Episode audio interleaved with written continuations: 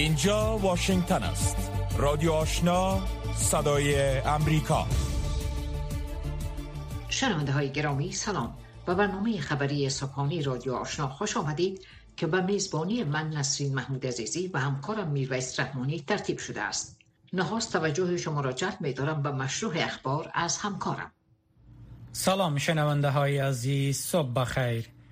روزنامه هندی پرنت گزارش داده است که دختران رهبران طالبان بر علاوه آن که در مکاتب پاکستان و قطر مصروف فراگیری درسند حتی فوتبال نیز بازی می کنند. جزیات بیشتر را از احد عزیززاده مشنویم. در این گزارش که دیروز نشر شده آمده که دختران بیش از 20 رهبر گروه طالبان همین اکنون در مکاتب شهرهای دوها، پشاور و کراچی درس می‌خوانند. این در حال است که گروه طالبان برای آموزش دختران مکاتب متوسطه و لیسه ممنوعیت وضع کردند. اقدامی که خشم افغانها و جامعه جهانی را برانگیخته است. در گزارش روزنامه پرنت آمده که دو دختر سهیل شاهین مسئول دفتر سیاسی طالبان در قطر در یکی از مکاتب دولتی دوها درس می‌خوانند. در حالی که دختر بزرگتر آقای شاهین در تیم فوتبال مکتب خود نیز بازی کرده است. گزارش می افزاید که دختر قلندر عباد وزیر صحت حکومت طالبان از رشته طب فارغ شده و اکنون در اسلام آباد به حیث دکتر کار می کند. بر اساس این گزارش دختر شیر محمد عباس سانگزی معین وزارت خارجه طالبان پس از فراغت از یکی از مکاتب مشهور دوها پایتخت قطر آموزش در رشته طب را فرا گرفته است. گزارش می افزاید که دفتر سیاسی طالبان در قطر به درخواست روزنامه پرنت درباره آموزش دختران رهبران طالبان در مکاتب خارجی پاسخ نداد. بانک جهانی در مورد بدتر شدن وضعیت اقتصادی افغانستان پس از به قدرت رسیدن طالبان هشدار داد. توبیاس حق کارشناس ارشد اقتصادی بانک جهانی برای افغانستان روز چهارشنبه با اشاره به بدتر شدن وضعیت اقتصادی افغانستان گفت که یکی از فقیرترین کشورهای جهان فقیرتر شده است. آقای حق افزود که انزوای اقتصاد افغانستان به دنبال وقوع بحران سیاسی که در ماه اگست سال گذشته رخ داد سبب فقر شدید به شدن افغانها و تهدیدهای افرادگرایی در این کشور شده است. به دنبال تسلط طالبان بر افغانستان کشورهای کمک کننده که در رأس آن امریکا قرار دارد کمک های اقتصادی و امنیتی خود را به افغانستان قطع کردند و اعمال تذیرات بر حکومت طالبان نظام بانکداری این کشور را زیر فشار قرار داده است. بانک جهانی در تازه ترین گزارش خود گفت که عواید افغان ها در طول هشت ماه گذشته شدیداً کاهش یافته و حدود 37 درصد خانواده های افغان پول کافی برای خریداری مواد غذایی ندارند. در این گزارش آمده که 33 درصد خانواده های افغان تنها پول برای خریداری مواد غذایی دارند. بانک جهانی هشدار داده که تحت شرایط کنونی چشمانداز اقتصاد افغانستان بسیار بد است. مقام ها در شهر نیویورک امریکا از بازداشت مرد بزن گلولباری در قطار زیرزمینی این شهر خبر دادند کیچانت سیول فرمانده پلیس شهر نیویورک روز چهارشنبه گفت که مظنون فرانک جیمز نام دارد و پلیس او را پس از یک عملیات سی ساعته جستجو بازداشت کرد. در حمله که اوایل صبح روز سهشنبه به وقت محل در قطار زیرزمینی نیویورک رخ داد مظنون نخست یک بم دودزا را در یکی از قطارها پرتاب کرد و سپس به گلوله‌باری آغاز کرد که در نتیجه آن حداقل ده نفر زخمی شد. پلیس می‌گوید که فرد بازداشت شده 62 سال عمر دارد و با یک سلای نیمه خودکار گلوله باری کرده بود. مقام ها گفتند که فرد بازداشت شده با اتهام انجام حمله دهشت افغانی در وسایط حمل و نقل روبرو است. تدروس ادهانوم رئیس عمومی سازمان جهانی صحت با انتقاد تاند از واکنش جامعه جهانی در قبال بحران افغانستان و سایر کشورها و تمرکز روی جنگ اوکراین گفت که جهان با بحرانهای بشری که سفید پوستان و سیاپوستان را متاثر می کند به گونه مساویانه و عادلانه برخورد نمی کند. آقای هدهانم روز چهارشنبه در یک نشست خبری گفت که با آغاز جنگ در اوکراین جامعه جهانی به بحرانهای عاجله که دامنگیر سایر نقاط جهان شده به گونه جدی رسیدگی نمی کند. او گفت که توجه جهان به زندگی سفید پوستان و سیاپوستان یکسان نمی باشد.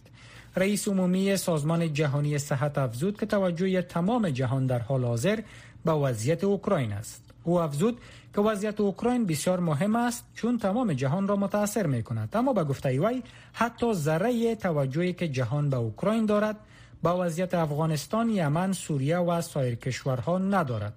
رئیس سازمان جهانی صحت گفت که او صادقانه و به گونه سریع بیان می کند که برخورد جهان با تمام نژادهای انسانها یکسان نمی باشد. او افزود که بیان این موضوع برای وی دردناک است اما به گفته وی این موضوع حقیقت دارد. وزیر خزاین امریکا در مورد حمایت از روسیه در جنگ اوکراین به چین و سایر کشورها هشدار داد. جنت یلن روز چهارشنبه از چین و سایر کشورها خواست تا در پایان دادن تهاجم روسیه بر اوکراین کمک کنند. خانم یلن همچنان گفت کشورهایی که به دنبال تضعیف تاثیرات تعذیرات اقتصادی غرب بر روسیه اند عواقب کار خود را خواهند دید. وزیر خزاین امریکا ابراز امیدواری کرد که روابط ویژه چین با روسیه منتج به یک اقدام مثبت شود و افزود که اگر چنین نشود جایگاه چین در جهان آسیب خواهد دید این مقام ارشد حکومت امریکا گفت که اگر چین به حاکمیت ملی و تمامیت ارزی اوکراین احترام نگذارد پس در آینده انتظار نداشته باشد که جامعه جهانی به درخواست چین در پیوند به این اصول گوش خواهد داد. وزیر خزاین امریکا همچنان اضافه کرد که روی کرده جهان در قبال چین و تمایل این کشور به خاطر ادغام اقتصادی بیشتر بستگی به پاسخ چین به درخواست غرب به خاطر اقدام قاطع در برابر روسیه دارد. چین تا اکنون تهاجم روسیه بر اوکراین را تقبیه نکرده و روی کرد ناتو امریکا را مسئول آغاز جنگ در اوکراین خوانده است. پایان خبرها.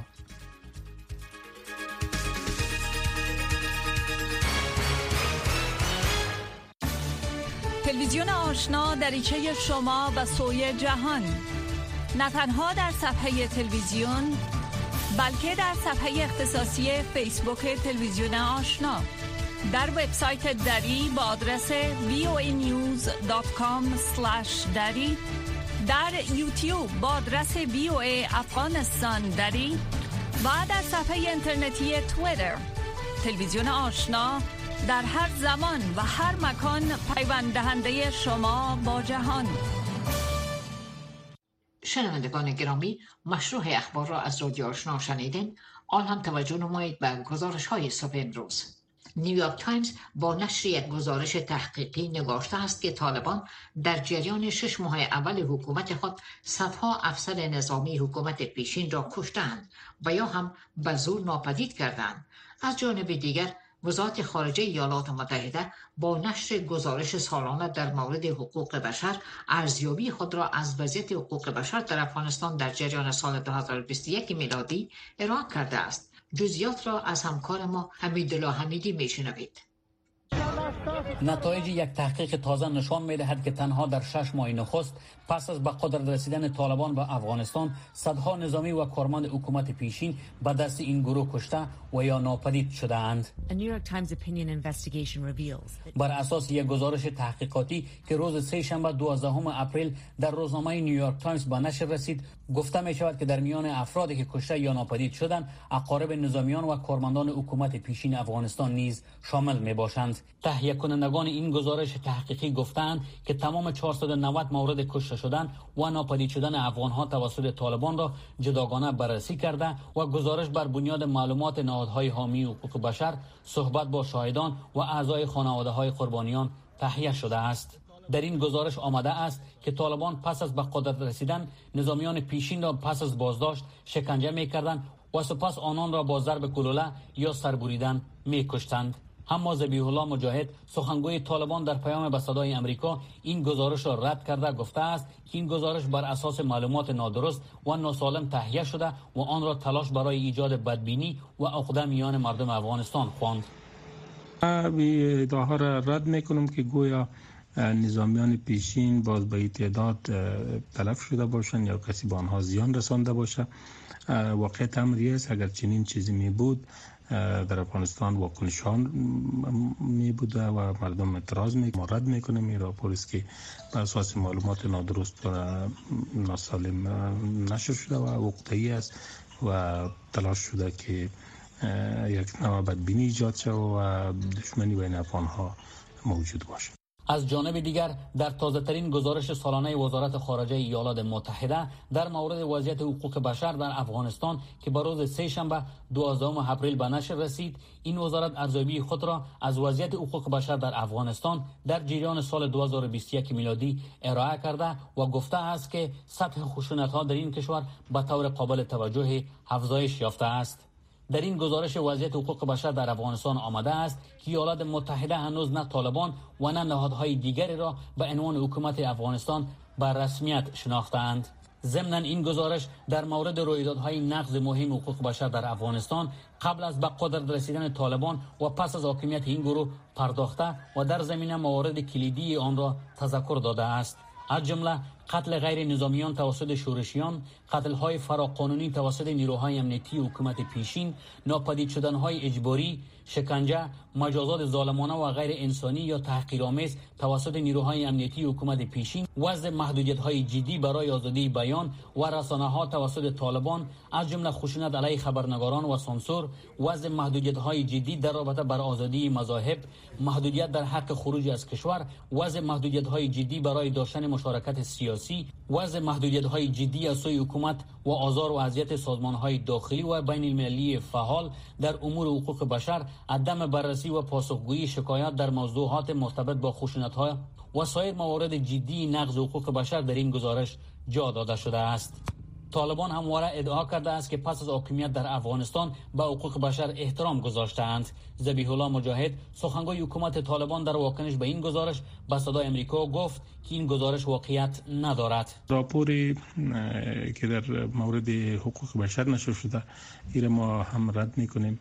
چون واقعیت نیست. زمان مردم افغانستان حقوقشان تلف شده بودند که روز 200 تن کشته داشتن بمباردمان ها صورت می گرفت وحشت بود. اینجا مردم قتل می شدن و خانه های مردم شبانه مورد حملات قرار می گرفت بعد این مورد هم راپورایی که نشر شده و پخش شده نادرست است. امارت اسلامی افغانستان به خاطر رسیدگی به حقوق مردم و اتباع هنوز هم در تلاش است و حقوقی را که شریعت اسلامی به مردم داده انشالله برشان میده در این مورد گفتم پروپاگاندی که میشه ما را رد می‌کنیم نادرست است. سازمان عفو بین المللی و دیدبان حقوق بشر قبلا نیز از قتل ها و ناپدید شدن نیروهای امنیتی و مقامات نظامی پیشین و فعالان مدنی توسط طالبان ابراز نگرانی کرده بودند. صدای امریکا رادیو آشنا 100.5 اف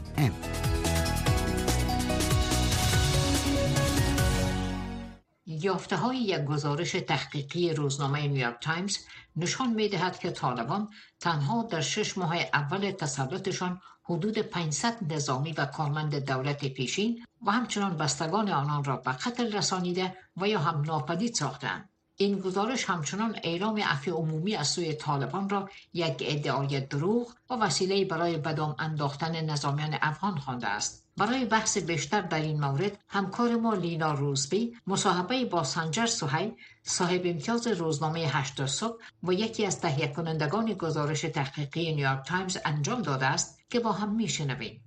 ابتدا واکنش ذبیح‌الله مجاهد را شنیدین. برداشت شما چیست طالبان مثل همیشه یافته‌های گزارش را رد کردن. سلام عرض می‌کنم خدمت شما و خدمت بیننده ها. ببینین طالبا دو گونه برخورد نسبت به واقعه و قضایه دارن.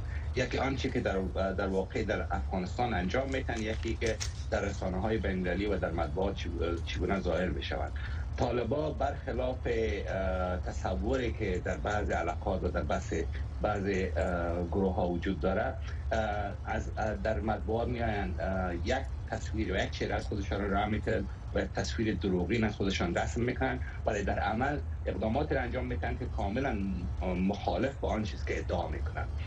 و طبیعی است که واکنش آقای زبی الله مجاهد در رابطه با این گزارش هم امین گونه است. در حالی که ما این گزارش را تک تک افراد را رفتیم مشخص کردیم وریفای کردیم و رفتیم با خانواده هایشان صحبت کردیم با دوستانشان صحبت کردیم با انسنفی هایشان صحبت کردیم با همکارایشان صحبت کردیم یا با مردم محل صحبت کردیم. متاسفانه موارد بسیار بیشتر از آنچه که در این گزارش باستاب یافته اتفاق افتیده و ویژه بله. مثلا در ولایت قندهار در ولسوالی استین بردک ما قضایایی را داشتیم که متاسفانه قادر به وریفای کردنشان نشدیم چون مردم محلی که آسیب دیدن از اون محل فرار فرار داده شدن یا به اجبار کوچانده شدن بله. خب شما از جمعوری معلومات صحبت کردین. چقدر مشکل بود برای شما جمعوری معلومات تحت حاکمیت طالبان در افغانستان؟ خب بخشی از این معلومات معلوماتی بود که وابستگان از افراد در سوشیال میدیا یا در رسانه های اجتماعی منتشر کرده بودن بعضی بخشی از این موارد از طریق رسانه های داخلی افغانستان و رسانه هایی که در رابطه به افغانستان گزارش میتر جمعوری شده بود. ما مجموعی از این معلومات جمع‌آوری کردیم با سازمان های حقوق بشری که در این زمینه فعال هستند. از اونها معلومات جمع‌آوری کردیم و بعد از او یک یک بانک اطلاعاتی ساختیم یک database ساختیم و بعد از طریق از این database ما مشخص کردیم که افراد متعلق به کدام مناطق افغانستان هستند و بعد از مشخص شدن مناطق از اینا رفتیم به محلات زندگی از اینا به خانواده هایشان به قریه هایشان به مثلا ولسوالی هایشان نه نفر خبرنگار است از از, از در جریان از این کار با ما همکار بودن و به صورت بله. پیوسته به از یک ولایت به ولایت دیگر از یک ولسوالی به ولسوالی دیگر می‌رفتن. برای از که مشخص بکنن و این موارد را تایید کنن بله. این گزارش باعث بسیار ها در رسانه ها شده. ولی آیا گزارش به ایالات متحده اتحادیه اروپا دیگر کشورهای غربی و نهادهای مدافع ملل متحد هم ارائه کردین یا خیر؟ چه واکنشی از اونا داشتین اگر ارائه شده؟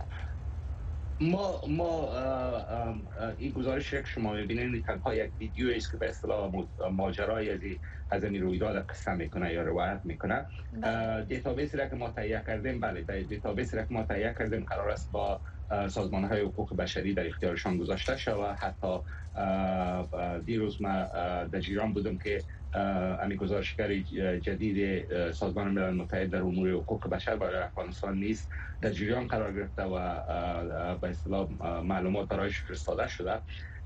و در این زمان کشورها و دولت هایی که در زمینه تعامل با طالبان فعال هستند. طبیعتا من بعد از این گزارش به عنوان یک یک یک مسئله بسیار جدی مد نظرشان می باشه و با طالبان در رابطه به این صحبت خواهند کرد و طبیعتا این روند به رسمی شناختن طالبان را بسیار دچار دشواری های جدی می‌کنند در این زمان فراموش نکنید بله. در این زمان فراموش نکنید که 490 نفر به صورت دست جمعی و به صورت سیستماتیک در سراسر افغانستان در ظرف شش ماه کشته شده و نایا ناپدید شده.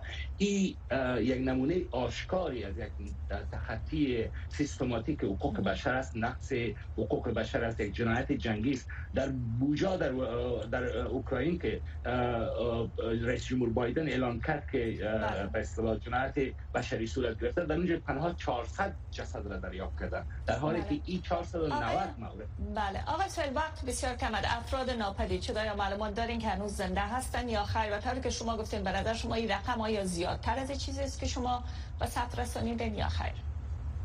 مطلقا تعداد افرادی که متاسفانه کشته شدن ناپدید شدن و یا دیگه وجود ندارن در میان ما به مراتب بیشتر از من پیشتر هم اشاره کردم که بخصوص مثلا در ولسوالی این بولده که یک قتل عام گسترده در بین اچکزایی ها به اصطلاح قومای وابسته به جنرال عبدالرازق شهید صورت گرفته که حتی ممکن است تعدادش به دو هزار نفر برسه. اما به دلیل از که افراد خانواده و وابستگان از اینا از منطقه به اجبار کش داده شدن یا فرار بله. کردن با قادر نشدیم این موارد را تایید بکنیم.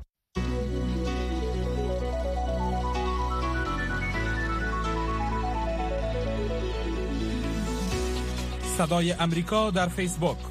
facebook.com voa دری طالبان به تاریخ 15 ماه آگست بر افغانستان مسلط شدند. با آنکه نزدیک به هشت ماه از تسلط این گروه میگذرد تا کنون معاملات پولی و به ویژه مشکلات بانکی در آن کشور به حالت عادی خود برنگشته است. بحران اقتصادی بعد از آن در افغانستان اوج گرفت که نزدیک به ده میلیارد دلار پول نقد بانک مرکزی افغانستان در خارج و به ویژه در ایالات متحده راکت شده است. برنامه انکشافی ملل متحد در این گزارش خود گفته بود که هزینه اقتصادی فروپاشی نظام بانکداری افغانستان و پیامدهای منفی آن بالای جامعه آن کشور بسیار بزرگ خواهد بود. همکار ما رویا زمانی مصاحبه در مورد مشکلات بانکی و پولی افغانستان تحت سلطه طالبان با آزرخش حافظی عضو اتاقهای تجارت و تحلیلگر امور اقتصادی انجام داده است که پیشکشتان میگردد. سیستم مدرن اقتصادی نیازمند بانکداری گسترده و وسیع می باشد. بدون خدمات بانکی اقتصاد جدید در دنیا بسیار با مشکلات مواجه میشه. و چنانچه ما شما شاهد بودیم که محدودیت هایی که حکومت وضع کرده بود سبب کاهش سرمایه گذاری سبب ترس و حراس در بین کسانی که در بانک سپرده داشتن و سبب متوقف شدن قرضه های و کردیت لین ها شده بود. این متناسب با که چقدر اینا بانک ها را حمایت می‌کنن متناسب با همو برای وضعیت عموم اقتصاد افغانستان مفید است.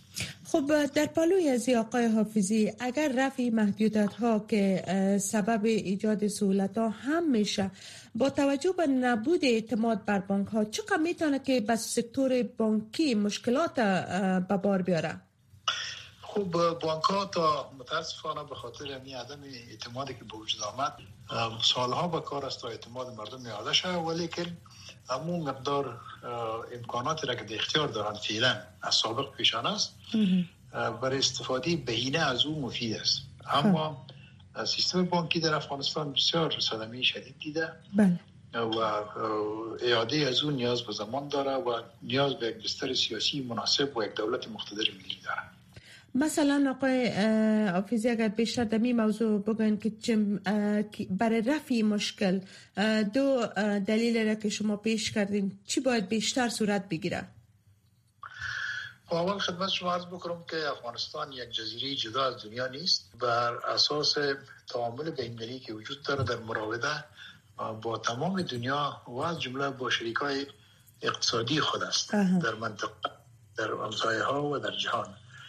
و همچنان از یکی از کمک کننده های بزرگ ازی افغانستان در رشد جامعه بین‌المللی مخصوصا ایالات متحده آمریکا اتحادیه اروپا جاپان با دانی با انکشاف آسیایی IMF یا صندوق بین‌المللی پول بوده. و دیگه کشورها از جمله جرمنی و دیگه از اتحادیه اروپا و حتی یک اندازه چین و کشورهای همسایه هم به افغانستان کمک کردن. وقتی که افغانستان یک آدرس مناسب سیاسی نداشته باشم از گرفتن کمک ها به شکل مستقیم محروم میشه و رشد اقتصادی در مملکت رشد نمی‌کنه. و در این زمان طور شما آقایی داریم وقتی که یک کشور به رسمیت شناخته نشود سیستم سویفت به این دلیل نمی‌تونه استفاده کنه. بله. آقای حافظی ببخشید اینجا سوال می رو میپرسیدم در حالی که افغانستان حکومتش به رسمیت شناخته نشده تعامل بانک های جهان با بانک مرکزی افغانستان بتونه که کمک شود به خاطر می اقدامی که از سوی بانک مرکزی افغانستان گرفته شده؟ خب یک گام است که اثرات داخلی داره یعنی در اقتصاد محدود داخلی ما هنوز مسئله کمک خارجی حمایت بانک های بین و گرفتن قرض های کلان این نیازمندی بر رسمیت شناختن دولت است و طور که مرز کردم با یک بستر سیاسی مناسب و ایجاد یک دولت مقتدر ملی مربوط است. کاهش سپرده های بانکی و امی کمبود پول نقد چقدر می‌تونه که سیستم مالی افغانستان در ماهای آینده صدمه برسانه یا با سقوط حتی مواجه بسازه؟ وقتی که یک کس پول خود گرفته بتانه و اعتماد پیدا بکنه که ما پول پس گرفته می‌تونم دادستود بانک ها روال عادی خود پیدا می‌کنه. ولی کسایی هستن که مثلا در خارج پول دارن پول خود به افغانستان بخن روان کنن. یکی خود سیستم سویفت اجازه نمیده که پول به حساب افغانستان بره. دومی که از ترس از اینکه پول ما بدیم باز پس صاحبش نمیشیم. هیچ کس حاضر نیست و جرات نمی‌کنه که پول خود بانک کنه به این خاطر حالا اگر کسی بخواه پول خود بگیره از بانک خب می‌تونه بگیره. این کدام مانی نداره.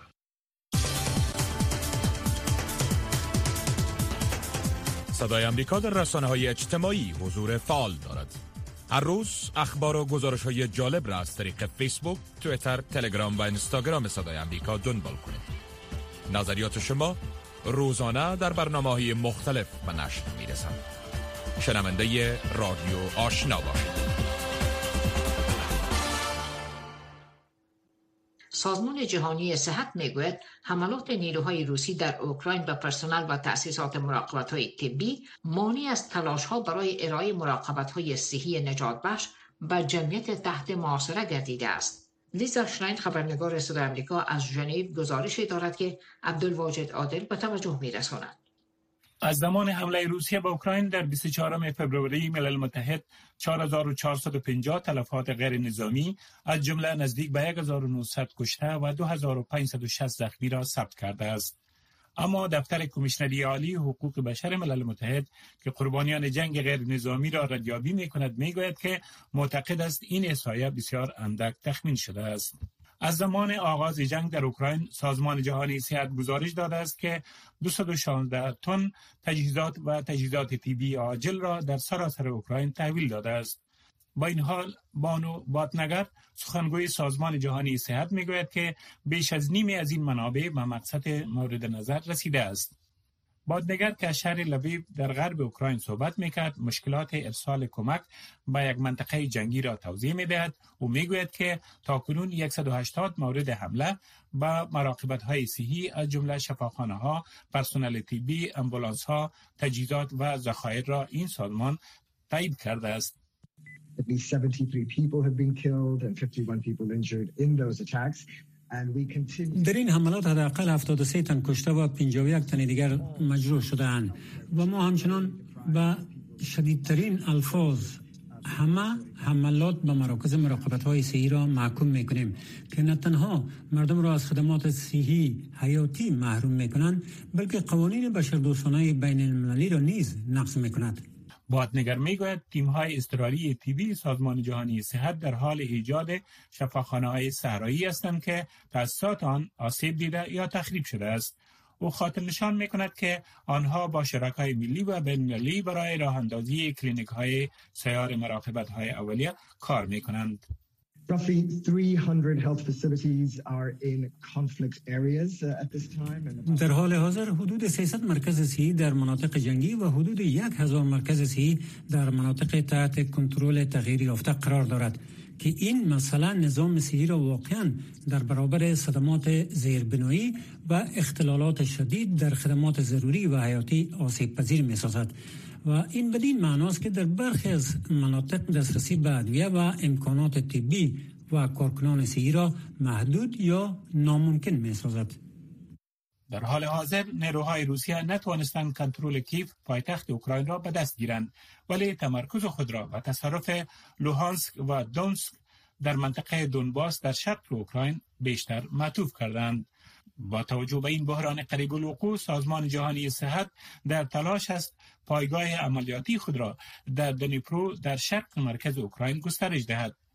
باتنگر می‌گوید این سازمان می‌خواهد با افرادی که بیشترین نیاز را به کمک های نجات بخش دارند نزدیکتر موقعیت داشته باشد.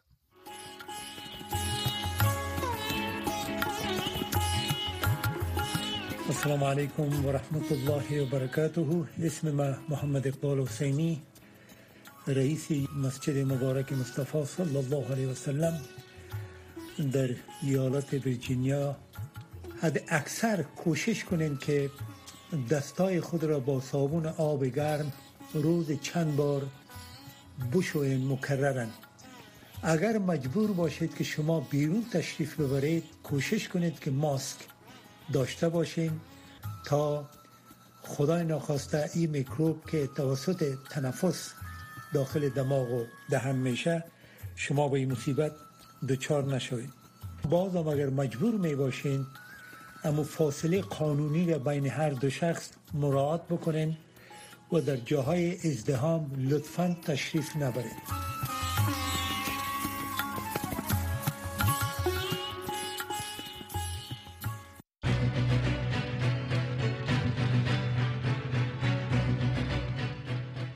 خب شنونده های عزیز در اینجا می رسیم به پایان بخش دوم برنامه صبح امروز رادیو آشنا.